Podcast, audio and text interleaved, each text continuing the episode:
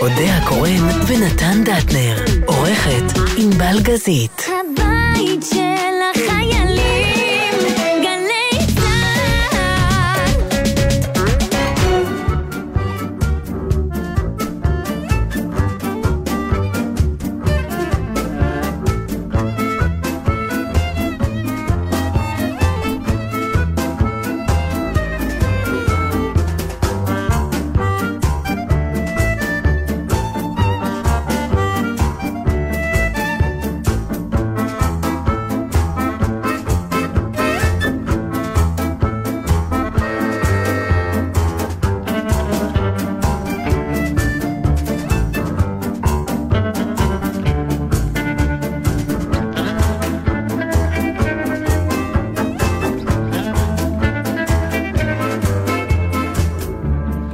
שלום לכם, אודה הקורן, נתן דטנר, ענבל גזית, הילה מזרחי.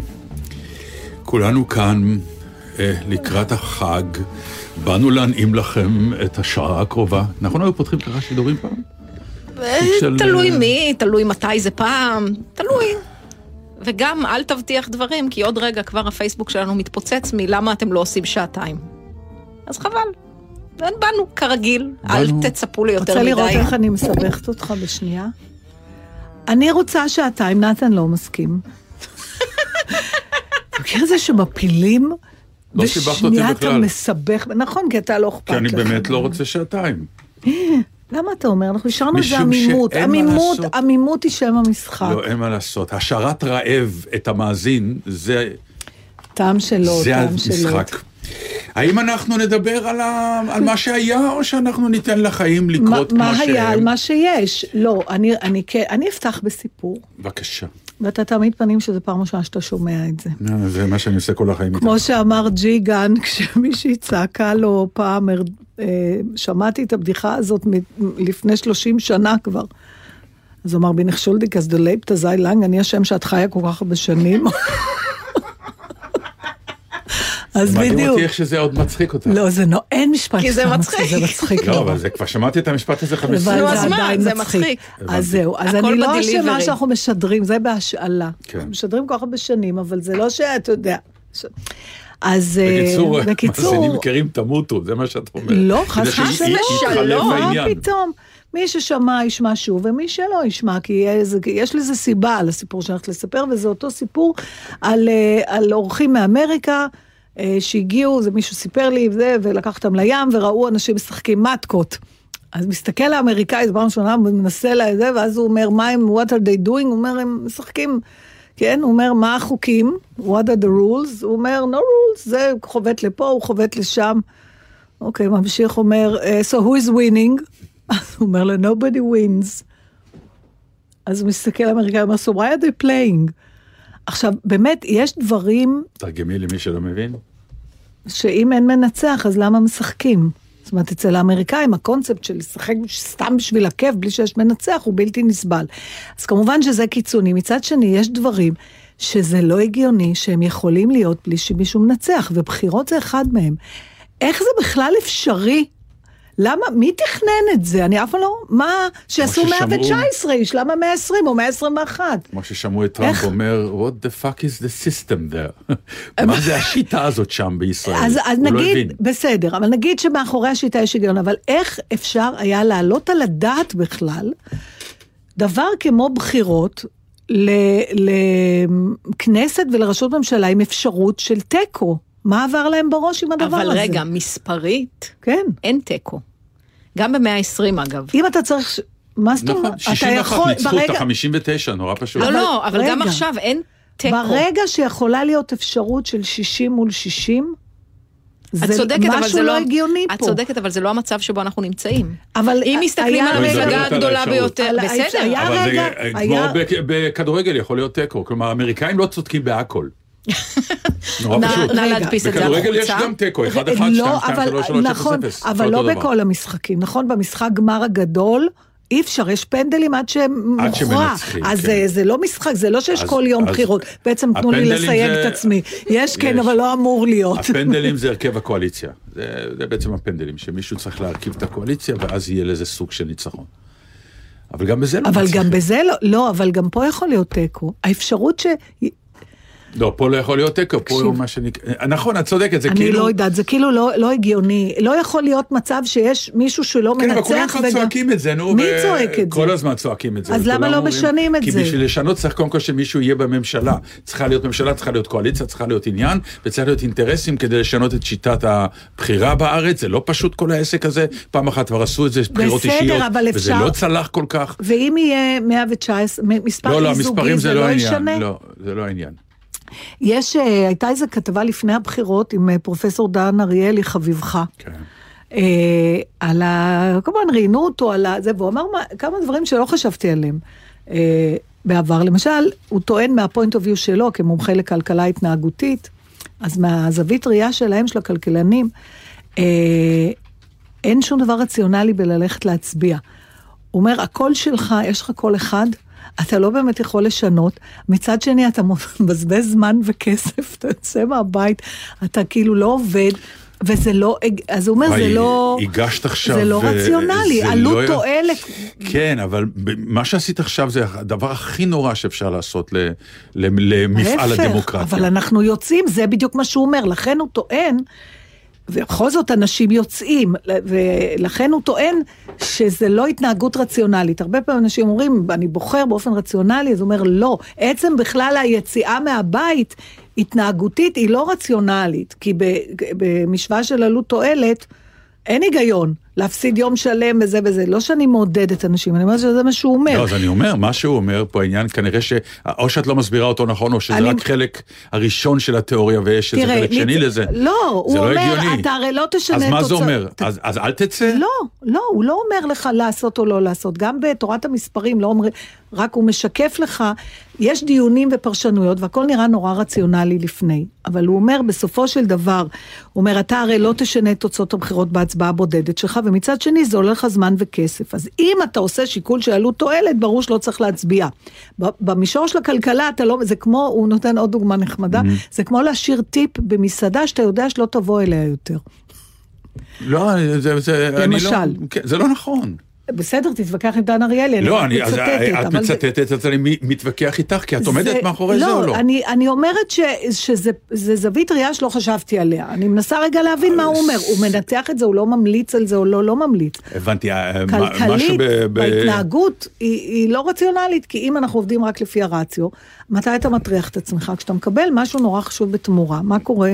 גרד לך משהו? כן. אוקיי. בוא, את רוצה לספר למאזינים עוד מה עובר עליי? כאילו, לא, אתה ונרד איך ל- נראית? כאילו אתה עכשיו בודק אפשרות של מעקפים. היה ממש מבהיל. כן, כי פתאום, אני אגיד לך, כי זה חלק בגב שקשה להגיע אליו, לכן אתה רוצה שאני אגיע לך? הנה, אני הולכת לא, לא, די, זה- זה אני נגמר כבר אבל זה. נגמר. אז נתחיל את זה אני עוד לא- פעם. איפה מגרד לך? פה. פה? כן. הנה מגרדת. אני לא מאמינה שזה מה- מה שמתרחש לפה, כרגע. לא, כי זה לא המקום. אז תראה איפה המקום. לא נעים לי, זה. מתחת לחולצה. אה, הבנתי. לא, אי אפשר. לתאר את האישה הזאת. לא, אני לא הספקתי לצלם, לא אבל הספקת אני לצלם, מתנצלת. וטוב שכך. לא, זה חבל מאוד. זה מה שנקרא, too much information היה בחמש דקות לא, האחרונות. זה היה נורא יפה. בעיניי היה פה גילוי של... אה, תמשיך עם התיאוריות, מה שנקרא, הלא הגיוניות, שבעצם אוקיי. יש בהן היגיון. אוקיי. בסדר. אה, למשל, הוא מדבר על עניין, שזה כן, אני יודעת שדיברו על זה, אבל האם תחמנות, בוא ניקח את הרצף בין יושר תמימות עד לרמאות ממש, ובאמצע נעשה תחנות של מנהיג, היא תכונה רצויה או לא. אם מנהיגות היא תכונה רצויה? האם אתה רוצה. שהמנהיג שלך יהיה אה, יהיה שקרן, תחמן? תחמן, אה, מניפולטור? כן, אבל לא עליי. עכשיו, נכון? אז התשובה כאילו כדי, לא, לא, לא, אני רוצה שהוא יגיד אמת. אה, זה תלוי. אם אתה בעד, זה נורא מצחיק, גם הוא אומר, זה תלוי עם איזה דעה אתה בא מראש. בסדר? נכון. זאת אומרת, אם אתה רוצה את המנהיג, נגיד את טראמפ, בו, הוא גם עשה את המחקר שלו על טראמפ, אז מי שבעדו אומר, כן, כן, פוליטיקה זה עסק מלוכלך, אני רוצה את המנהיג שלי ככה. שאחד שיודע, כן. שיודע, שירמה, שיעשה הכל בשביל להביא לי את האינטרסים שלי. ואם אתה תומך במישהו שהוא, למשל דן אריאלי מעיד על עצמו, הוא אומר, אני איש תמים, אני, אם מישהו יושב מולי, מסתכל לי בעיניים ואומר לי משהו, אני מאמין לו. אז התחושת בגידה שאני מרגיש אחר כך היא הרבה יותר גדולה ממישהו שאומר, סבבה, הוא שיקר, אה, שכבר לא שיקר נגדי, שיקר אה, בעד, ה, בעד הדבר הזה. מצד שני, יש את הסיפור הידוע של שמעון פרס, שכל הסיפור של הכור הגרעיני אה, התחיל בכלל מזה ש... חתם אה, יום קודם על ראש הממשלה שכבר לא היה, שכבר הודח מתפקידו ערב קודם. זאת אומרת, יש תחמנות שבסוף מביאה אה, תוצאות, אבל אתה כאזרח, למי תאמין? בוא נגיד ככה, למשל? אחד, אחד הסיפורים היפים של מה שאת אומרת עכשיו, זה בדיוק הבחירה בגנץ שהפתיעה. כלומר, היה שלב שבו אנשים באו ואמרו, רגע אחד, אחרי כל התחמנות וכל העניין, יש משהו באיש הזה, למרות מה שהוא עשה והכל, והוא הודה בטעות, והוא אדם ישר, הוא אדם טוב. ואנחנו כ, כ, כ, כמעט אפילו הצבעת מחאה, באים ואומרים, הגיע הזמן להצביע לאדם טוב, למרות שהוא כאילו עבד עלינו, אבל הוא עבד עלינו לא כי הוא תחמן, אלא כי הוא היה תמים, והוא אדם טוב מיסודו. נכון, וזאת ההפתעה הגדולה, וזה ואם הוא נורא יפה. היה נבחר ונהיה ראש ממשלה, ומישהו מהם היה כושל באיזה משא ומתן מדיני, אז היו אומרים, יאללה, גם כן הבוק התמים הזה. זאת אומרת, אותה תכונה, אבל מי אמר שזה חייב להיות אחד מול השני? אז זאת למה שאלה, אדם נכון, ישר נכון, ואדם טוב לא יכול להיות נכון. גם פוליטיקאי מצוין ולא תחמן ולהשיג הישגים? אני... זאת השאלה זאת, האמיתית. אה, כי נאמר קודם, לא, היא עסק מלוכלך. אני לא, אז זהו, הפוליטיקה באופן עקרוני כבר אה, תענוג לומר שהיא עסק מלוכלך.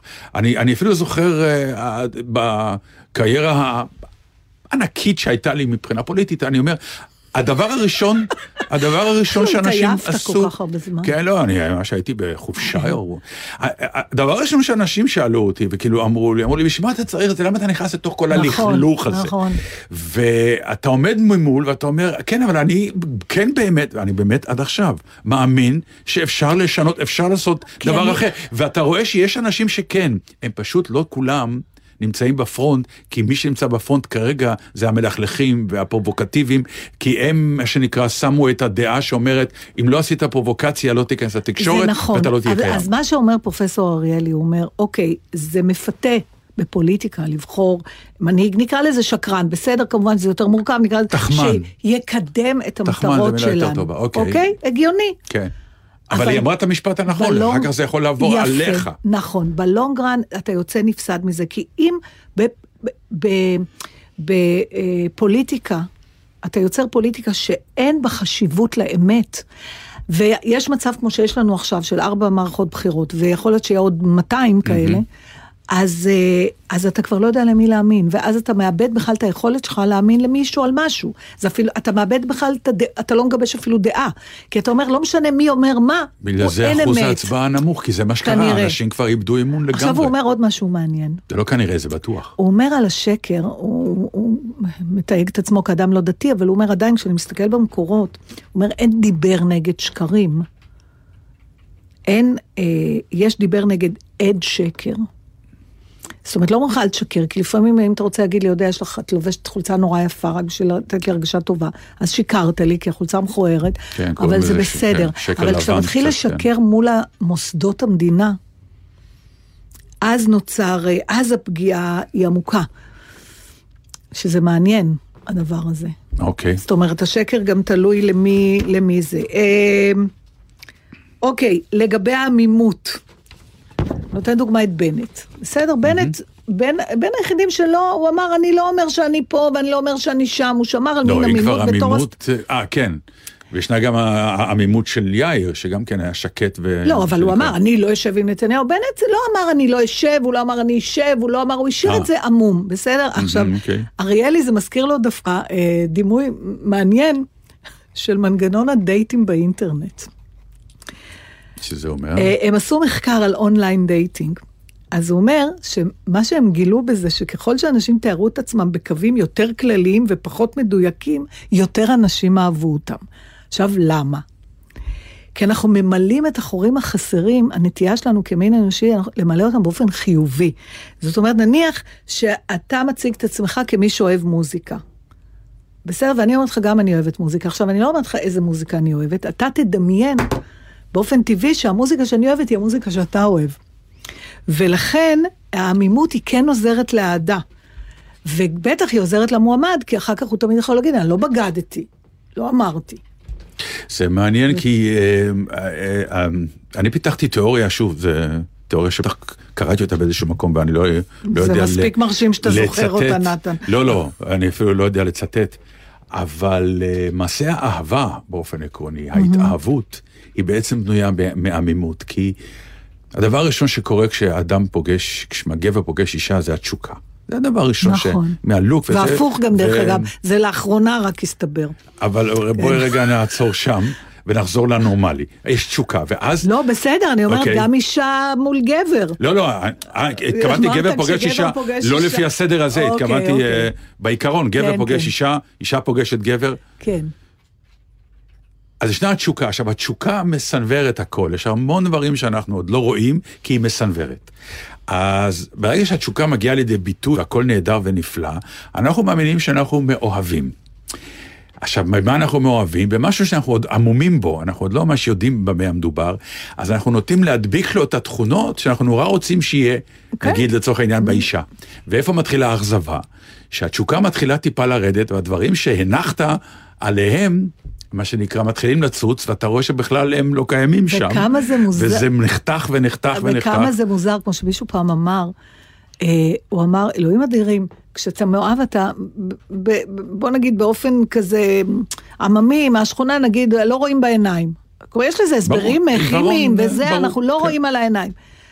ודווקא בנקודה הזאת אתה עושה את ההחלטות הכי מכריעות שלך לגבי כל החיים, כמו למשל להחליט להתחתן, או לזה אומר ספה, כשאני הולך לקנות ספה, אני משקיע הרבה יותר מחשבה רציונלית ובודק וחוקר, מאשר אם אני מחליט אם להיכנס אבל לגור עם בדיוק מישהו. על אבל זה כן, אמרו ההורים. תמיד, שבאת, אמרת, אני הולך להתחתן, ותמיד אומרים, מה אתה רץ? מה אתה ממהר? כי זה בדיוק העניין הזה של לדעת האם אתה עושה את זה מתוך עיוורון תשוקתי, או. או חכה רגע, תגורו קצת, שהתשוקה טיפה תרד והדברים או יצוצו, אל תשאלו שאלות, שידוך, תכירו ויאללה לחופה ותבדקו את זה כבר אחרי. ותתאהבו אחר כך, אחר כך. אחר כך תלו את הכל. עכשיו כן. עוד שאלה מעניינת. שזה גם עובד, דרך זו, אגב. אה, לפעמים, בוא נגיד, זה לא יותר נכשל בדברים אחרים. נכון, זה... נכון. עכשיו הוא, הוא אה, הלך, אה, הוא עשה מחקר בישראל, ובעצם הם ניסו לבדוק מה גורם לאנשים להצדיק שימוש בשקרים. אה, ואז הניסוי הלך ככה, הם לקחו שתי קבוצות של אנשים, ושתי הקבוצות קיבלו משימה לביצוע כלשהי, אבל הם קיבלו תשלום עבור המשימה הזאת. והם היו יכולים לרמות בה גם, נתנו להם אפשרות לרמות. עכשיו, מחצית מהאנשים אמרו להם, הכסף הזה הוא בשבילכם, ולחצי השני אמרו, הכסף הזה, אתם תצטרכו לתרום אותו לצדקה, לפי מה שאתם בוחרים. מי אתה חושב רימה יותר? אלה שהכסף הלך אליהם, או אלה שהכסף הלך לצדקה?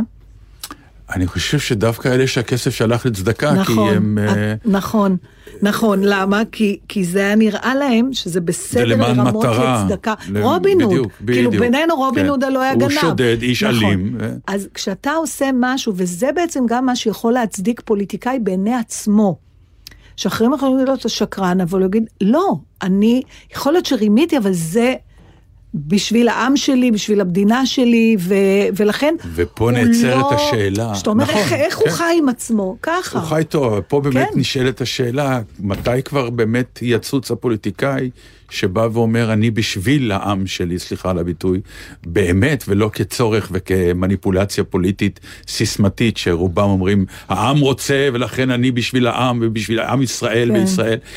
אני מודה שכשאני כבר שומע את הרפליקות האלה, אני נסגר, אני לא נכון, מאמין נכון, למילה. אבל זה לא משנה, הנקודה היא איך הוא מאמין לעצמו, כי אחת השאלות שאנחנו תמיד אומרים, אה, נו כמו השיר הזה, איך אתה ישן בלילה על עיתונאי אז זה גם כן. פוליטיקאי, שאתה אומר, איך הוא לא ככה, כי הוא כי הוא לא... כבר, זה כבר במבנה אישיות. הוא רואה את זה ככה, כן. הוא מבין שהוא מרמה, אבל זה מצדיק את הדבר. והדבר האחרון, אה, טוב, זה בכלל היה פסיכי, הוא אומר שככל שיש יותר מערכות בחירות, נוצר דיסוננס אה, קוגניטיבי. כי בדרך כלל, ה... אנחנו חושבים שהמעשים שלנו הם תוצאה של העמדה שלנו. יש לנו עמדה, ואז אנחנו הולכים ומצביעים למפלגה מסוימת. הוא אומר, כשיש כזאת רפטיציה, אז ההפך קורה. זאת אומרת, כבר העמדות שלך הן תוצאה של המעשים. זאת אומרת, אה, אה, אתה אומר, אם אני כבר, אם... אתה הולך ומצביע שלוש פעמים לאותה מפלגה, אז רוב הסיכויים שתמשיך ללכת ולהצביע לאותה מפלגה, בגלל שאתה כבר, הטשטוש הזה בין המעשה לזה. או הפוך, אתה מתחיל להיות אה, אתה- מ- אתה כבר- מצביען טקטי, מה שקרה כן, לי. בדיוק. בבחירות האחרונות, אומר, זה מה בסדר, שקרה זה- לי. הייתי עכשיו באמת, כלומר, שום דבר חוץ מ... אה, ואני לא היחיד, לא- רובם כן, הצביעו אבל הוא אומר. משהו מעניין, הוא אומר, אם מישהו הצליח לגרום לי נגיד יש אנשים שהצביעו בכל ארבע המערכות האחרונות לאותה מפלגה, בסדר, אני לא נמנית עליהם, אבל אני מניחה שיש הרבה אנשים שכן נמנים. אז אתה עושה לעצמך את ההנחה, זה מדהים, אנחנו עובדים כל שמה? אנשים זה משהו. הוא אומר, אם מישהו יכול לגרום לי ללכת לקלפי שלוש פעמים ולהצביע לי, למרות שאמרנו מראש שזה מעשה לא כלכלי ולא הגיוני, אז הסיכוי הוא שעכשיו הוא יהיה יותר בעמדות שלי. זאת אומרת, אנחנו אומרים, אני מצביע לו כל כך הרבה פעמים, אז כנראה שהוא באמת בעמדות שלי. בלי שיכול להיות שהוא כבר לא בעמדות שלך. השכנוע העצמי. השכנוע כן. העצמי הזה. והדבר האחרון זה ה, ה, מה שכולם אומרים, צריך שתי מפלגות כמו בארצות הברית, לעומת המלא מפלגות סקטוריאליות שיש פה, והשאלה מה עדיף. אה, אז פרופסור אריאלי אומר, קודם כל זה לא גן עדן גם כשיש שתי מפלגות, בואו, זה לא מושלם. אבל אומר שהסיכון בהרבה מפלגות סקטוריאליות זה שאתה באמת מתחיל לראות רק את הצרכים הממוקדים של המפלגה של הציבור שאתה מייצג. בלי קשר לכלל. ובסופו של, הוא נותן דוגמה, מדינת תל אביב. אז נגיד שתהיה מדינת תל אביב, אז מה, אז היא עכשיו רק תשקיע את המשאבים? זאת אומרת, יש אה, אינטרסים שהם משותפים. כלכלה, חינוך, בריאות. ואי אפשר שכל מפלגה תדאג רק לסקטור שלה, כי זה יכול ליצור דיסוננס בדברים האלה, באינטרס. זה, אבל זה המצב עכשיו, כמות נכון, מפלגות נכון, שרובם נכון. סקטוריאליות. נו. לכן הוא אומר, כשיש הרבה מפלגות, חלק מהבעיה פה. עם אינטרסים צרים, אז זה לא רעיון טוב. כי חינוך, בריאות, רחוב לאומי, זה לא אינטרס של ציבור ספציפי. לא, אבל אם יהיו שתי מפלגות גדולות, אז כל הדברים הספציפיים האלה יתמרחו פנימה. כלומר, הדתיים יצטרכו להבין ולשאול את עצמם איפה הם רוצים להיות, בחלק הזה או בחלק הזה, או שיקרה הדבר היותר מדליק, שהם בעצמם ית- יתפצלו. נגיד הש"סניקים יהיו בחלק ההוא, והחרדים יהיו בחלק השני. יכול להיות. אבל זה זה כמובן שיהיו... לא עובד ככה, ויש. אה, לא, אה, אבל אני אומר, ימין ושמאל בכל על אחד מהסקטורים האלה, העניין הוא, וזה זה מה גם לא שדן נכון. אריאלי... אולי אצל לא הדתיים לשאול. אין, אין ימין ושמאל, זה הכל בלוף אחד לא ענק. אני אומרת שברגע אבל- שלא תהיה מפלגה סקטוריאלית, הם יתפצלו אה, בין הימין לא, לא, והשמאל החרדים הם הזה. סקטוריאליים בגלל העובדה הפשוטה שיש להם רב שמחליט מה הם יצביעו, בהתאם לצרכים, זה כבר לא כל כך נכון, אבל זה לא. משנה. אני חושבת שזה יכול להיות זמן טוב להשמיע את מה שרצית להשמיע. מה שאתה כן, רצית מה שרציתי. להשמיע- בגלל כן. ששם בדיוק זה מדובר, כי אתה אומר פה... מה שרציתי להשמיע לך זה כבר, אה, כש, כשראיתי את זה ושמעתי את זה, כן, עכשיו אז זה רץ כבר. אה, זה רץ כבר, אבל לא אכפת לי, כי אני עומד אה, מאחורי העניין, ואם יש כאלה שלא שמעו, אז אני אשמיע, ומעבר לזה, שיש משהו בהשמעה ברדיו, שפתאום אתה מוציא גם את התמונה, אז המילים מקבלות עוד יותר עומק ומשמעות, כי זה רק המילים. אה, את זוכרת שהיה היה בזמנו, אה, ניהלנו דיון מדליק על אה, קיומו של הדבר הזה שנקרא ליצן החצר, מישהו שבא כן, מהצד כן. ואומר לך את הדברים כהווייתם, ואתה לא נכנס ללחץ מהם יותר מדי, ואתה לא מכה בהם ולא אתה לא אומר הורג להם... אותו, מותר אתה לא לו, הורג אותו מכיוון שמותר. לו, זה, זה התפקיד שלו, זה גם נעשה בהומור וזה בחן, אבל... האמת שמסתתרת, זה נורא מזכיר לי את המערכון, שאנחנו מדברים על המערכון שכרגע אנחנו נשמיע מתוך זהו זה, מתוך טפו, מתוך. מתוך ארץ נהדרת. לא צריך טפו, אבל זה לא, מתוך לא, ארץ טפו על נהדרת. הטעות שלי. כן. אני גם רציתי אה, משהו מזה. וזה מזכיר לי את המערכון בזמנו, שעשו החמישייה הקאמרית עם רמי, עם אה, הויברגר, שרואים שם את, אה, את הרוצח, את יגאל עמיר, אומרת שישחררו אותי, עוד מעט ישחררו אותי, עוד מעט אני משתחרר, כי יבוא זה ויבוא זה, ובסוף ישחררו אותי, וכולנו אמרנו, יואו, איזה מערכון קשה, נורא וזה, ואחת המפלגות הקטנות שרצו, אמנם בשקט, אבל היא כבר קיימת, המפלגה כן. הקטנה הזאת. ולא פעם מ- ראשונה, ולא פעם ויש לה גם ראשונה. אי אילו מצביעים. זה, וכמה הצביעו לה, זה יש לה יותר תחילתו של... מילים בשם מאשר מצביעים. תחילתו של, אה, תחילתה של דרך אה, ל- להוציא את יגאל עמיר מה, מהכלא, ועל זה היה המערכון אז. עכשיו תקשיב, כשנקשיב לזה, כן. תגיד לי, אה, תחשוב על זה, ואני ש- רוצה לשאול אותך אחר כך, איזה, כי אני יודעת כבר מה התשובה, ואני לא רוצה לעשות ספוילר, לי, אה. מה המשפט שהכי התחברת אליו במערכון הזה?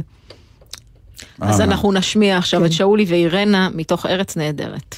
באתם היום? הצבעתי, ברור. אני בכלל עוד רשומה ברחובות אצל אמא שלי. גם הבנק שלה שם.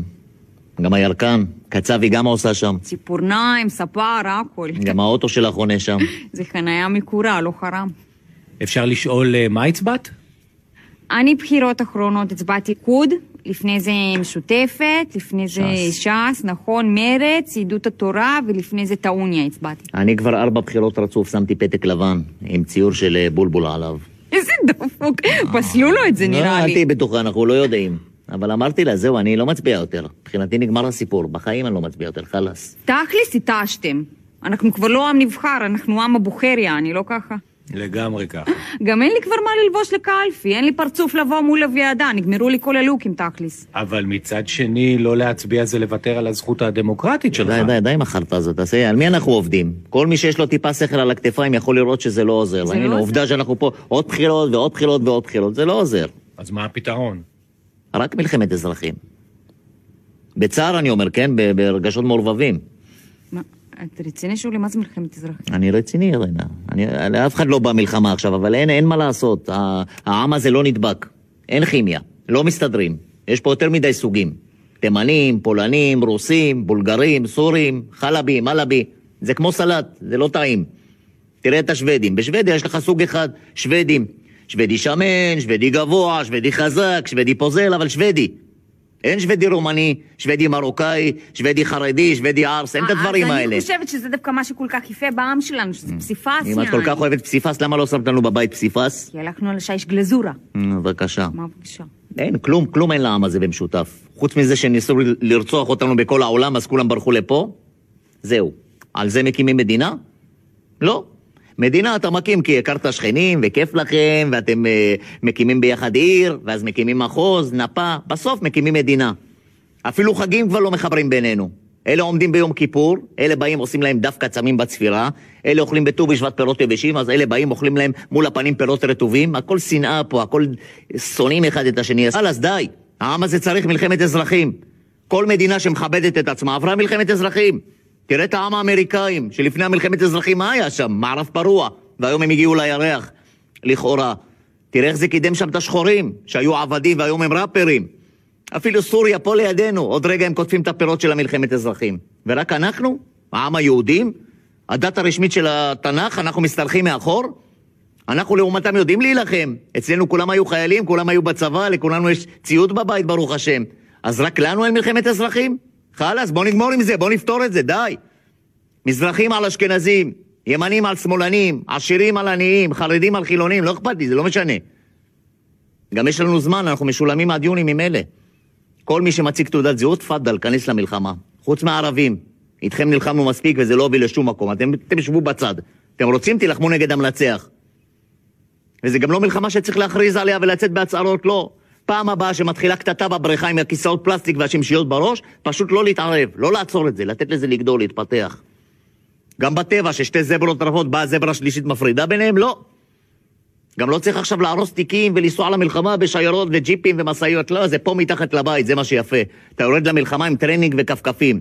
יש לך גופות במעבר חצייה למטה, שקי חול בסופר, הבית ספר היסודי שלך שדה מוקשים, דם, מכות, קברי שכנים. נפתח גם את הבתי כלא שיבואו, מה אכפת לנו? יאללה, למה אנחנו מחכים? אין דבר יותר מגבש ממלחמת אזרחים. כל יום שאנחנו לא הורגים אחד את השני זה בזבוז. בטוחים שאתם לא רוצים נס? אתם לא חבר'ה. רוצים לשתות? לא תודה. לא להתבייש לי. אז מה המשפט שלך? אין דבר יותר מגבש ממלחמת אזרחים. אני, אני, אה, יש, אה, כולם שוודים, יש שוודי גבוה, שוודי שומר, כן. ויש שוודי מרוקאי, שוודי, זה- נכון? רק אותי תפס אם אנחנו רוצים נס, כי אני רוצה, ולא נס? את הקפה. אה,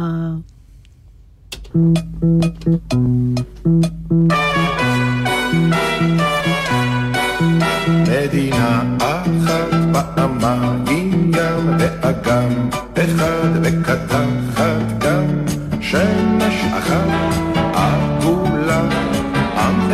חכם מלא סגולה כאב ראש אחד ושלוש גלולות ושישה ימים ושבעה לילות אלוהינו, אלוהינו, אלוהינו, שבשמיים ובארץ. עלייה גדולה באלפיים שנות גולה, שתי חופשות שנתיות ואחת רגילה. יום של ניצחון, יום של מפלה, רגע ביטחון, שלושים ימי מחלה, טרומפלדור בגליל, וקונצ'רטו לחליל, וחצי תריסר אלופים במיל. אחד אלוהינו, אלוהינו, אלוהינו, שבשמיים ובארץ.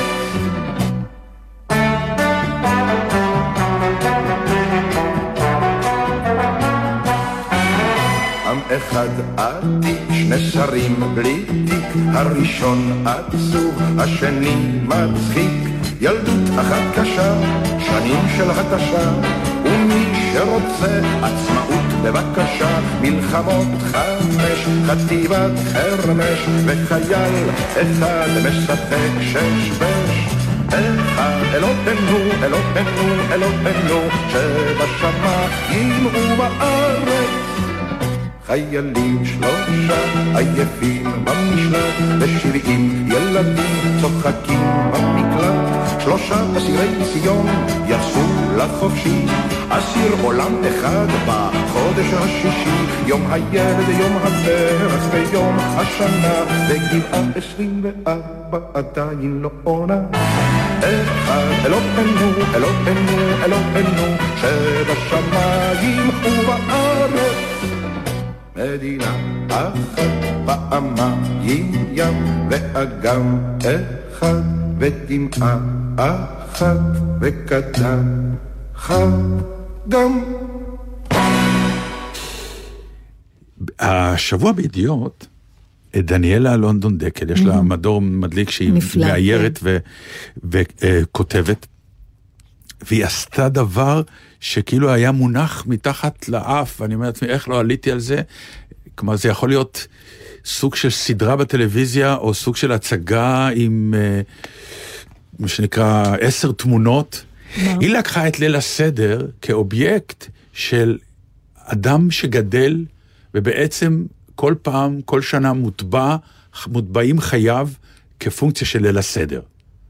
לדוגמה, לדוגמה. לא לדוגמה, אני אתן לך את התהליך כי זה מדהים. אוקיי. מה שנקרא, כשהיא אה, נולדת, אז בליל סדר הראשון שלה, היא פשוט עשתה קקי, אה, מאוד לא נעים תוך כדי ליל הסדר, כי היא ילדה קטנה כן. והיא עשתה קקי, אז ניקו לה את הקקי.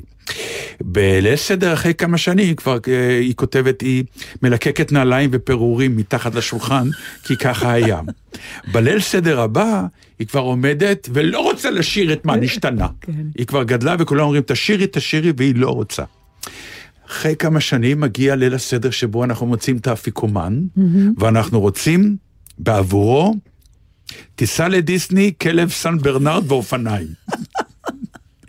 ואז מגיע ליל הסדר, שאני לא אשכח אותו אף פעם, באמת בהכרה הזאת שכולנו מכירים, שבתוך כל האווירה הקדושה הזאת, פתאום יש לנו את המשפט בהגדה, שדיים נכונו, ושערך צימח, ושערך צימח ואת, אה, שערך צימח ואת עירום ועריה.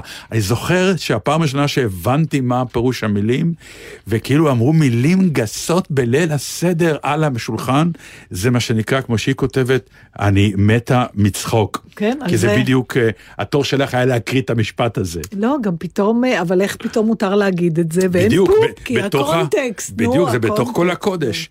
ואז מגיע השנים הבאות, שאת כבר גדלה ואת שונאת את כולם בליל הסדר, ואחרי עוד כמה שנים את לא רק שונאת, את גם פרובוקטיבית, את מגיעה לבושה אחרת מכולם, נועז מכולם, וכולם אומרים, זה לא יפה, זה לא מגיע לליל הסדר. ואז מגיע ליל הסדר הכי מרדני, את בסיני, את לא מגיעה לא לליל הסדר. וזה נהדר. כאילו, זה ענת גוב, זיכרונה לברכה, כתבה על זה מחזה מצוין. כן, בדיוק. אימא. שלך, אימא שלך רוצה להגיד לך חג שמח, אומר הבדואי לה, והיא אומרת לה, אין לי אימא. והחג על הזין שלי, זה כאילו המרד כן. הגדול.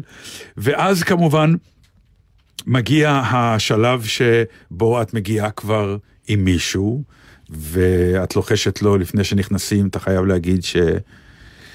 החרוסת של אמא שלי זה הדבר הכי מדהים שאכלת בחיים, אתה חייב להגיד את זה.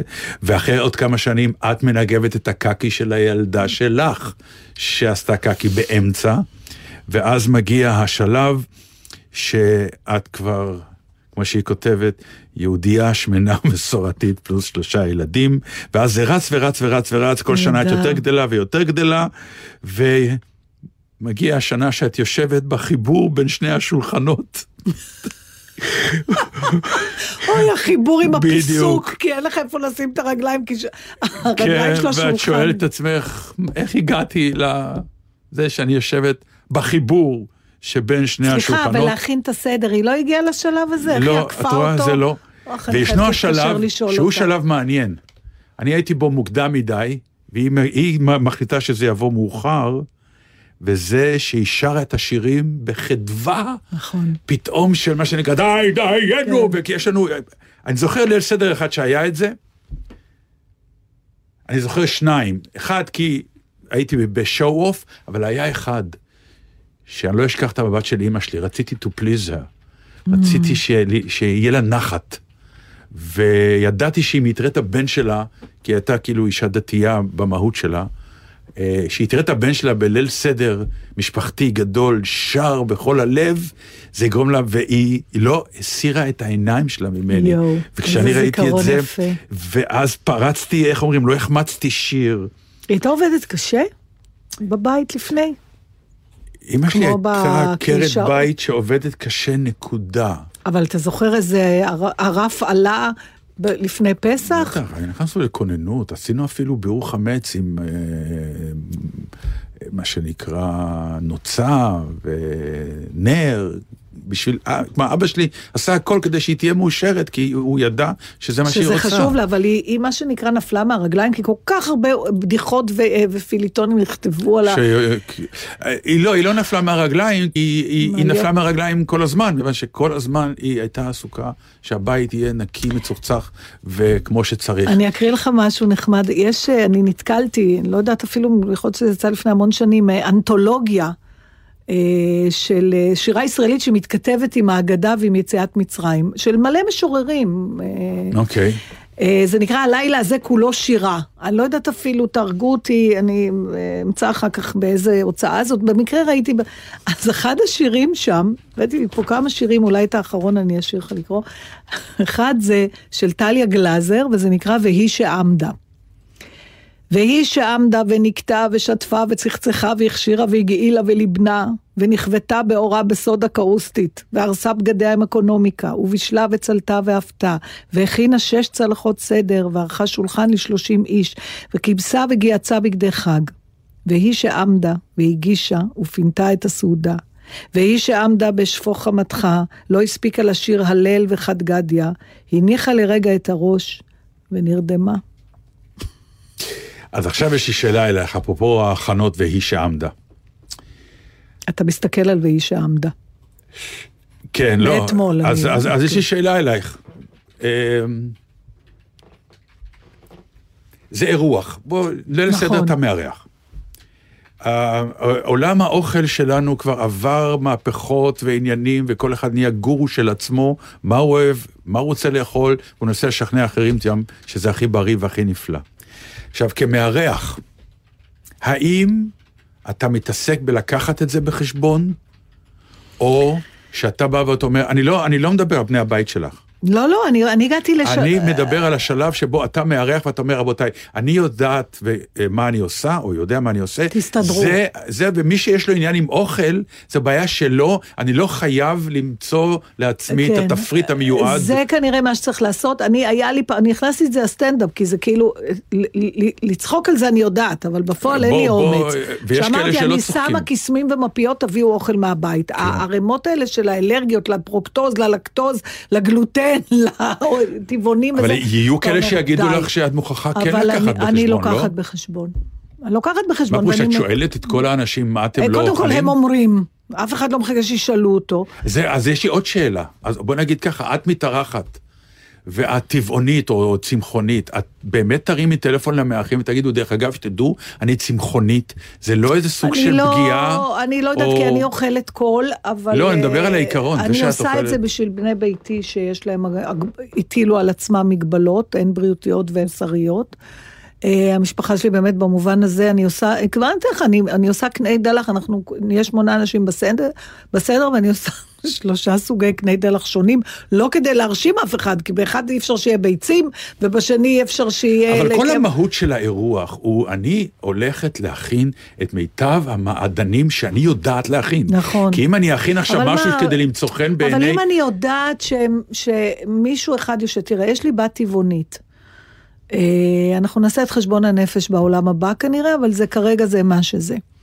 אני יכולה להגיד, שמי, והיא היא גם נהדרת, היא לא כופה את עצמה, היא לא כלום, אבל אתה יודע, אתה לא תלך לבית של אה, אנשים מאמינים ותוציא בייקון and eggs, נכון? גם אם הם לא יגידו לך כלום. זה, אתה, אני שמה על עצמי, אז לא, אז בא לי שיהיה לה את האוכל שיכולה לאכול, אחרת מה, תאר לך אתה יושב. אני שואל אותך עכשיו, לא, אז- אז את. לא, את לא, את לא עונה על... אתה מדבר על אורחי, אז לא הבנתי. אני, אני בא ואומר, אירוח זה ב... בעצם מה, המילה אירוח אירוח, זה שנייה, אגו? שנייה, אני זה- אסביר לך, לא, לא עניין של אגו. זה, אני רוצה להנעים אה, את, אה, נכון. את השהות שלך אצלי. נכון. אני רוצה לפנק אותך. נכון. מה אני אפנק אותך? בדברים שאני הכי יודע לא, לעשות. לא, בדברים הכי שאני טוב. אז רוצה זה אגו, להתפנק. זה מה בדיוק. שאני אומר, רגע. ברור. רגע. כדי שאני אפנק אותך, אז את אומרת, אני רק צמחונית, אבל אני לא יודע להכין מאכלים צמחוניים, כי זה לא הבסט שלי. אני יודע להכין בשר מצוין, אוקיי? סתם אני אומר. אבל זה לא מפנק אותי, כי אני צמחונית. רגע, אבל זה בדיוק העניין. אבל רגע, רגע, נתן, עכשיו אני לא אתה יכול- לא שואל על האוכל. אתה שואל בשביל מי האירוח? בשביל המארח או בשביל האורחים? זה מה שאתה שואל בעצם. אוקיי, את יודעת מה? חתונות טבעוניות, צמחוניות, מטריפות אותי. למה אני כאורח חייב להיכנס פנימה, ומה שנקרא, בגלל שאתם החלטתם שאתם עושים בגלל- חתונה, הם, אז עוד, עוד פעם, זה השאלה... סוג של אירוח למי, מוקצן. אוקיי, החתונה, החתונה היא היא בשבילהם. בשביל ה... בשביל החתן והכלה. שיראו כך. את האורחים אוכלים מהאוכל שלא בא להם, או לא אוכלים בכלל הם, בגלל. הם לא נכנסים לרזולוציה הזאת. אתה, כשאתה מזמין לארח, כן. האם, אני בכוונה, בוא נצמצם את זה. האם אתה רוצה לשמוע את המשפט, אה, אתה מבשל נהדר? נגיד שאתה יכול לבחור, בסדר? אתה יכול רק משפט אחד, לא את שניהם. אתה מבשל נהדר, או נורא נהניתי, היה לי נורא טעים. אבל זה מה שאת לא מבינה. אני לא יודע לעשות לך את האוכל שלך. קודם כל תלמד. אותו. לא, את תפסיקי עם המשפט הזה, מה לא, זה קודם כל בסדר, תלמד? אני מבינה, אני לא יודע. אנשים לא יודעים לעשות את כל המאכלים. אם אני רוצה לפנק אותך, אז אני אצא את הדברים שאני הכי יודע לעשות הכי טוב, כמארח. לא, אתה- אני מדבר על ליל סדר דווקא בגלל שזה אירוח שמושתת על ארוחה, לא אירוח אתה שאתה צודק, בא... נתן, אבל ל- אתה ממשיך להתעקש לרצות לפנק אותי לפ- באופן שאתה תופס פינוק, שלך. ואותי לא, זה אבל לא זה מפנק. ארוחה, ארוחה זה אוכל. סבבה, אבל אוכל, אם אני צמחונית, אז זה אני לא יודע מה לעשות לך. מעולה, אז אל תזמין אותי. אה, בבקשה, נו, זה נראה לא, לך תשובה? לא. ברור שלא, כי אבל- אתה צריך להסיר את הלחץ מעצמך, אז וליצור איזה תזמין. דיאלוג אחר סביב הדבר הזה. לא, אני שואל, האם צריך דיאלוג, או, או כן. מה שנקרא, אני הצמחוני ואני הבעיה, ואיך אומרים, מה שאני אצליח לאכול באוכל שאני, שדטנר הכין, אבל אז לא פינקת אותי. אתה רוצה כמארח אני- לפנק אותי. יש לי- כן, יש לי אבל, תשובה אבל בשבילך. פינקתי הרבה אחרים. זה לא שכל האורחים שלי צמחוניים ונתקעתי. סבבה. בתוך כל האורחים פינקתי נפלא את כולם, אז אתה חוץ עושה מאת משחק של הצמחונית. יחסים. מזכיר לי, פעם שאול עברון, זיכרונו לברכה. הרוב התפנקו. לא, שאול עברון, זיכרונו לברכה, סיפר לי פעם שהוא, ב, אה, הוא לא הכיר מוזיקה ולא זה, אז הוא הגיע לצבא והוא נהיה המפקד של רביית המיתרים, של לא יודעת איזה משהו, כן. ופתאום נהיה מוזיקה קלאסית. אז הוא התחיל ללכת לקונצרטים בפילהרמונית, והוא נורא נהנה מזה, והיה בר. אז הוא תמיד היה לוקח לו כוסית וויסקי לפני הקונצרט, והיה סדרן שהכיר אותו והיה נותן לו להיכנס עם הוויסקי. ויום אחד אה, היה סדרן אחר, ולא נתן לו להיכנס, אז הסדרן שלו ראה אותו מכניסה אחרת וצעק לסדרן השני, זה בסדר, אצלו זה מחלה. אז אותו דבר, ת, תחשוב על הצמחונים. עכשיו, אם אז- אתה מזמין, אבל רגע, אני רוצה אבל לשאול אה, אותך לא, שאלה. אז אפרופו, אני רק, אה, אני אתן לך דוגמה. החוף של מוש. אוקיי? כן. החוף של מוש זה באמת באילת. חוף ש... באילת. כן. כשאתה מגיע, יש קהל מאוד מסוים בחוף של מוש, לכן אנחנו באים לשם, כי אנחנו יודעים את מי אנחנו הולכים למצוא פחות או יותר. אוקיי. שאלתי שם את אחד האחראים, איך זה קרה שמה שנקרא הרבה אילתים אה, מסוג אחר לא מגיעים לחוף הזה? כי הוא אומר, הם הגיעו. אבל שמתי מוזיקה הודית. והם אמרו, מה זה המוזיקה הזאת? תשים זה וזה. הוא אומר, אני לא שם. אתם רוצים להיות פה? זה המוזיקה שיש פה, מוזיקה קצת הודית, רוחנית, וזה ה... עכשיו, אני אשמח מאוד אם תישארו ותבלו במוזיקה הזאת, אבל זה מה שאני שם. והם הדירו את רגליהם, מאז הם אינם שם. תראה, אני רוצה- אותו דבר אני, זה האוכל שאני יודע לשים. בסדר. אבל זה לא אותו עכשיו- דבר. זה אותו דבר. רגע, לא. רגע, אז אני רוצה לעשות... מה, הוא אה, לא רוצה לפנק, הוא לא רוצה אני יכולה שיבואו להשכין הרבה אנשים? שלום? אני יכולה להשכין שלום? את יכולה בין מי למי? לנסות. קודם כל, אני חושדת במוש, כן. שהמוזיקה ההודית הייתה דרכו להביא את סוג האנשים שהוא רצה להביא. זאת אומרת, רגע, המוזיקה שימשה כקטליזטור טבעי, בלי שהוא יגיד... זה ברור, יפה, זה עניין של בוא- החלטה. טוב, בסדר. עכשיו אני רוצה להגיד משהו לגבי השאלה שלך.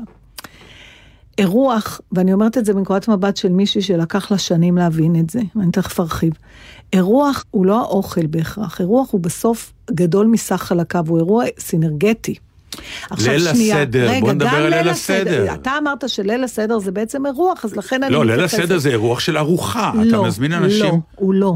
יש בו גם אוכל, אבל לא באים בגלל האוכל. ודאי, לא, מה זה לא באים? זה אנשים- הפיק של אתה- הערב. אתה, ו- את- לא, זה, זה הפיק של הערב, אני לא בטוחה שאצל אנשים שחוגגים סדר כהלכתו זה הפיק של בסדר, הערב. לא קמים ורוקדים אחר כך, אני מתכוון. לא בא מרצה ונותן משהו. התוכן של האירוע אצל אנשים שחוגגים כהלכתו מבחינה דתית, הוא לא האוכל. אנחנו, שקוראים את העמוד עזבי, הראשון... בסדר, נו. רגע, שנייה, אז תן לי לסיים. עכשיו, אני שנים הייתי, אני נורא אוהבת לבשל, אני מבשלת נורא טוב, ואני חושבת ש, חש, שאני נורא אוהבת לארח. אני הייתי מארחת אה, מבאסת, בגלל שהייתי בלחץ, אה, כי כל הזמן רק הייתי במטבח. וחשבתי שאני עושה בזה טוב, שאני מפנק את האורחים שלי, ואז ראיתי כמה לחץ, וגם על המשפחה שלי, שזה כן מוכן, שזה לא מוכן, הייתי בסטרס, ובסוף האוכל אולי היה טעים, אבל האירוח לא היה כל כך מוצלח. ולכן אני אומרת, אתה צריך שמקסימום אנשים ירגישו נעים ליד השולחן, גם אם זה אומר שאולי תכין מנה אחת שלך פחות טובה, או תזמין, כדי שאותו אדם שלא אוכל את מה שאתה עושה הכי טוב, עדיין ייהנה מהאירוח. ואז כל הערב הזה הוא מוצלח, כי בסוף זה כמו קהל. תמיד יש לנו את הוויכוח, שכחתי טקסט, ואתה תמיד אומר, אבל הקהל לא יודע את זה. אני שואל אותך, את צמחונית, באת לארוחה. כן. האם התבאסת שלא ביררו קודם, או את אומרת לעצמך, מה שיש, אני מה אמצא את שיש, עצמי אני לאכול. אמצא, יפה. אבל- אני כמארח צריך לדעת את זה. אבל אתה כמארח צריך היום... לחשוב עליי. לחשוב עליה ולהגיד, תגידי, את אוכלת הכל? אבל אני לא יודע, בוא נגיד ככה, אני לא יודע. אני חושבת שזה- אני לא עכשיו אתחיל להרים סבב טלפונים, אצלי מה אתה אוכל, שתלכו לי את התפריט שלך. היה לי קטע כל כך יפה בסטנדאפ על זה. זה נכון. אצלי את במשפחה הקטע. אין נכון, צמחונים ואין. טבעונים, תודה לאל, ואין שום דבר, ועדיין תמיד יש שלושה סוגי סלטים על השולחן, ושני סוגי בשר, וכמה וכמה זה וכמה אירוח של סוגי... שפע וטוב, זה לא קשור. אבל זה בדיוק הדרך לוודא שאני, יש אה, אה, אצל דודה שלי, יש סלט שנקרא סלט מה, ענבל. נתן, טוב, עכשיו כל? אחד יתחיל לספר את הסיפורים לא, שלו, זה לא העניין. העניין הוא, יכולה להיות תמונה, אם אני אקצין את זה, כן. שיושבים 20 איש, כן. 19 אוכלים ואחד יושב ככה. נכון. סגור ולא נ- נוגע. נכון. ואתה אומר, למה אתה לא נוגע? אומר, שום דבר פה לא מתאים לי לאכול. אוקיי. נכשלתי כמארח כן, או לא? כן. כן. אז לדעתי האורח הוא מניאק והוא נכשל. כי אסור לו להעליב ש- את המארח, והוא צריך לשבת ולנסות לבדוק אם הוא יכול לאכול משהו בשביל הנימוס, כי גם. העולם לא צריך להסתובב סביבו. גם, זו דעתי. גם, אבל בדיוק תיארת מצב ששני הצדדים הפסידו, וכל מה שהיה צריך לעשות זה לשאול, אתם אוכלים הכל, יש איזה בעיה למישהו? ושהוא או- מצד שני ושהוא יגיד, מצד שני יגיד, "אני אגב צמחוני, "תקשיב, אז אם אפשר יש שיהיה סלט." יש לי חברה טובה שעשתה מין, אה, באמת הייתה באיזה סוג של דיאטה נורא זה. היא אמרה, תקשיבי, אני, כי אמרתי לה, רגע, אז מה מותר? היא אמרה, הכל בסדר, אני מביאה את האוכל שלי, הכל נהדר, נחמם, נשים, זאת אומרת, כן. זה לא מעליב את לא. המארחת, לא. שאת עובדה, זה עובדת מאוד- ועושה אוכל, ואז אני מתקשר ואומר לך, תשמעי, אה, מתוקה, אני לא אגע במה שאת אוכלת, כי אני מאוד מאוד ספציפי, אני מביא את האוכל שלי אה, איתי. אה, אומר- יופי. אומר זאת אז כך. תביא גם את הכיסא שלך. אומר זאת כך, יונית. כן. בדור שמעלינו, כן. זה בהחלט היה עילה, אם הפוליטיקאים חושבים שעכשיו זה אני לא אשב איתו, אני לא אשב איתו, הם כן. לא יודעים סדר פולני מהו. נכון. באמת. אז אני אומרת, זה אחד הדברים שאנחנו אומרים, בוא, את זה לא נעביר לדור הבא, וננסה להשתלט את זה על עצמנו בגלל המודעות, זה הדבר הזה. מה? מה? מה? הדבר הזה שלא להיעלב ממי שלא בדיוק אוכל את מה שאתה הכנת, ולא להגיד שהכל נגדך. לא, זה לא להיעלב, זה אז- פתאום אתה מסתכל ואתה אומר, אוי, הוא לא נהנה אצלי. איפה טעיתי? לא, אומר כן, המארח. את- וואי, הוא נהנה אצלך. אין לנו עוד המון זמן, אם יאללה. את רוצה להספיק את ה... אני חושבת שהמסקנה היא פשוט לא לבוא לנתן לאירוח, זה הכל. מי אה, זה- לא נכון, נהפוך הוא, אני איזה מין כן. מסקנה זאת? מי שלא אוהב את מה שאתה יודע לבשל טוב, אבל שלא אתה לא יבוא. יודע מה אני יודע לבשל טוב. לא, אנחנו נכנסנו זה מה שאני מנסה. להגיד. וואו, אין לנו זמן, את רוצה לא- להשמיע את אני הקטע? מזמין מישהו לארוחה. נו, אני צריך עכשיו להסביר לו במה אני טוב? זה יקרה כשאני אארח אותו, אז אני אשים לו את הדברים הכי טעימים, ואז הוא יגיד לי, תשמע, זה נורא טעים, או הוא יגיד לי, אני לא נוגע בזה כי אני צמחוני, טעית באירוח. כבודו מכיר את המשפט, בפני עיוור לא תשים מכשול? אבל אני לא יודע- לפני צמחוני לא תעשה- תשים אבל סטייק. אני לא יודע. תשאל. או, זאת הבעיה. אין אוקיי. לנו המון. זמן. את רוצה להשמיע לנתן את הקטע שהבאת לו? כי הוא לא שמע אנחנו אותו. דיברנו על אותו קטע עם נשיא ארצות הברית, כן. מזהו זה טוב, תקשיב נתן. זה. גם, באמת, לפעמים אתה, כל מה שאתה צריך זה שיסבירו לך בטלוויזיה איפה אנחנו נמצאים. אוקיי. Mister President, Yes, Sharon. יש לי כאן את התוצאות של הבחירות בישראל. יופי, תביאי לי, אני מאוד סקרן. נו, זה עוד לא סופי, מחכים עדיין למעטפות כפולות עם קולות החיילים הימאים וקולות האסירים. בישראל מותר לאסירים להצביע? בטח, זה מאפשר להרבה נבחרי ציבור להצביע. אוקיי, אז מי ניצח? זה תלוי. במי? אז ככה, לגוש אה, נתניהו, ש"ס, דגל תורה וסמוטריץ' יש בין 53 ל-54 מנדטים. סמוטריץ'? סמוטריץ'. אם בנט מצטרף אליו, יהיה לו בין 61 ל-63, ואז אולי פנינה תמנו שרה מכחול לבן יתרוק לליכוד. פנינה מה? פנינה תמנו שרה. פנינה סטטומנה? פנינה תמנו שרה. לא, לא חשוב, אני רק רוצה לדעת מי ניצח. אז אם פנינה תמנו שרה תרוק לליכוד ונתניהו יהיה עוד מנדט, אז אולי בתקווה חדשה יהיו חברי כנסת שיצאו לרוק. במקרה כזה, יפה שאשא ביטון תפרוש. מי, מי, מי? יפה ביטון. איפש בבנינן? יפה שאשא ביטון. לא משנה, רק תגידי לי, שרון, מי ניצח? אורייט, יש עתיד קיים חשש שחבר כנסת בועז טופורובסקי וחבר כנסת יורו הרצל להב יערקו למפלגת העבודה. פופופורובסקי ויורם הרצל? את ממציאה שמות עכשיו, נכון, שרון? אני מבקש, תגידו לי בבקשה, מי ניצח שם? Mister President, קיימת אפשרות גם שמנסור עבאס וסמי אבו שחאדה מי ניצח? ואיימן ח'טיב יאסר יתמכו מי? מי ניצח? מי? הכל תלוי בבנט. אז בנט ניצח? נהדר, נתקשר לבנט. לא! הכי הרבה מנדטים קיבל נתניהו. אז אני מתקשר לנתניהו. לא! לא בטוח שהוא יהיה ראש ממשלה. למה? אם הוא ניצח, למה לא בטוח שהוא יהיה ראש ממשלה? כי לא בטוח שהוא יכול להרכיב ממשלה. הוא צריך גם את בנט והוא גם מחפש עריקים. למה עריקים? שימליצו עליו. על מי? עליו? על נתניהו? למי להמליץ? לנשיא. נשיא? יש שם גם נשיא כמוני? לא בדיוק. מה ההבדל? הוא ייצוגי. מה הוא מייצג? דברים ייצוגיים. אז למה צריך אותו? בגלל שממליצים באים לנשיא. בשביל מה? בשביל להמליץ. טוב, די, די כבר. אה, שרון, קחי את הטלפון ותתקשרי. למי להתקשר? לדונלד טראמפ. דונלד טראמפ? למה? תשאלי אותו מה לעשות, יש פה מצב אידיוטי והוא טוב בדברים האלה. זה מצוין, זה מצוין. יופי, זהו, זה מוני מושון. והביקוש, אני לא יודעת מי כתב, אבל... עכשיו, אתה מת מצחוק. אבל הכל הגיוני שם. כן, כן, לא, זה... ככה עצוב שהוא לא, זה לא. עיוות של כלום. אנחנו פשוט- ממש צריכים לסיים. אז אני רוצה. שנעצור. אין, לא, כן. לסיים לא, אבל ברמת זה יש עוד דקה. שורות. אין. חמש שורות. אין זמן. אוי, חבל. אנחנו טוב, בפעם אוי, הבאה. אוי. אז בפעם הבאה, טוב. וואי, זה היה טוב, זה היה חזק, היה מצחיק מאוד. אה, נכון. חג. שמח. חג שמח, כן. חג שמח, חברים. חג שמח. חג ואם. משהו לא טעים, אל תגידו למארחת כלום. איש אחד קנה לי ספר בן מאה שנה, איש אחר בנה כינור שיש בו מנגינה, ואישה טובה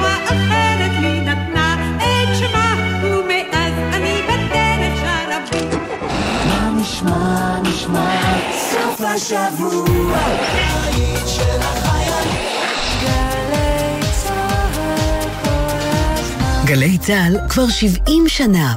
הן חוזרות! סוף סוף גם האטרקציות חוזרות. משרד התיירות מזמין אתכם ליהנות ממגוון חוויות תיירות שנפתחו מחדש כפוף להנחיות הבריאות. בואו עם כל המשפחה ליהנות מטיולי רכיבה, שייט קייקים, ספורט ימי, אומגות, פארקי חבלים, כדורים פורחים ועוד. בואו לתמוך באטרקציות התיירותיות שמחכות לכם בכל רחבי הארץ. לפרטים, היכנסו ל-i-israel.co.il. מחזירים את ישראל למסלול. משרד התיירות. הלו, אתה שם בבגד הים השחור בחוף הלא מוכרז. אני לא אוכל לעזור לך אם תטבע. כשאין בחוף מציל שרואה אתכם נכנסים למים, אין גם מציל שיעזור לכם לצאת. בחיים לא נכנסים לים כשאין מציל. פרטים נוספים, באתר משרד הפנים. מעסיקים, שימו לב, הביטוח הלאומי משלם לכם החזרים בעבור ימי הבידוד של העובדים. שילמתם שכר ימי מחלה לעובדים שלכם ששהו בבידוד או נעדרו מהעבודה בגלל בידוד של ילדיהם? אתם זכאים להחזרים מהביטוח הלאומי. לפרטים נוספים, היכנסו לאתר הביטוח הלאומי, לחצו דמי בידוד והגישו בקשה לתשלום ההחזרים, או התקשרו למוקד הייעודי למעסיקים 02 53 93 722 ביטוח לאומי לצדך ברגעים החשובים של החיים. הלו, אתה שם בבגד הים השחור בחוף הלא מוכרז. אני לא אוכל לעזור לך אם תטבע. כשאין בחוף מציל שרואה אתכם נכנסים למים, אין גם מציל שיעזור לכם לצאת. בחיים לא נכנסים לים כשאין מציל. פרטים נוספים, באתר משרד הפנים. מה נשמע, נשמע, השבוע, בית של החיילים. 70 שנה לגלי צה"ל. היום חוזרים בזמן עם יואב גינאי ובוגרי התחנה הכי מרגשים, לשיחה על החוויות מהשירות ועוד. והשבוע, בת אל פפורה. הגעתי לבקו"ם, הייתה שם איזה מין קצינה, אמרתי לה, תקשיבי, חמודה, אני לא זזה מפה, עד שאת לא נותנת לי ללכת לגלי צה"ל. תחנה בזמן, הערב בשש, גלי צה"ל.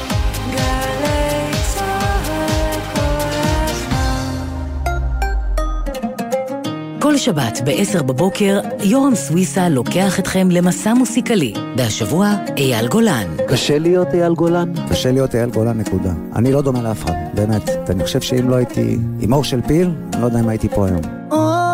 ימים טובים שהשמש בם זורחת. מסע עם יורם סוויסה, מחר ב-10 בבוקר, ובכל זמן שתרצו, ביישומון גלי צה"ל. מיד אחרי החדשות, אהוד בנאי.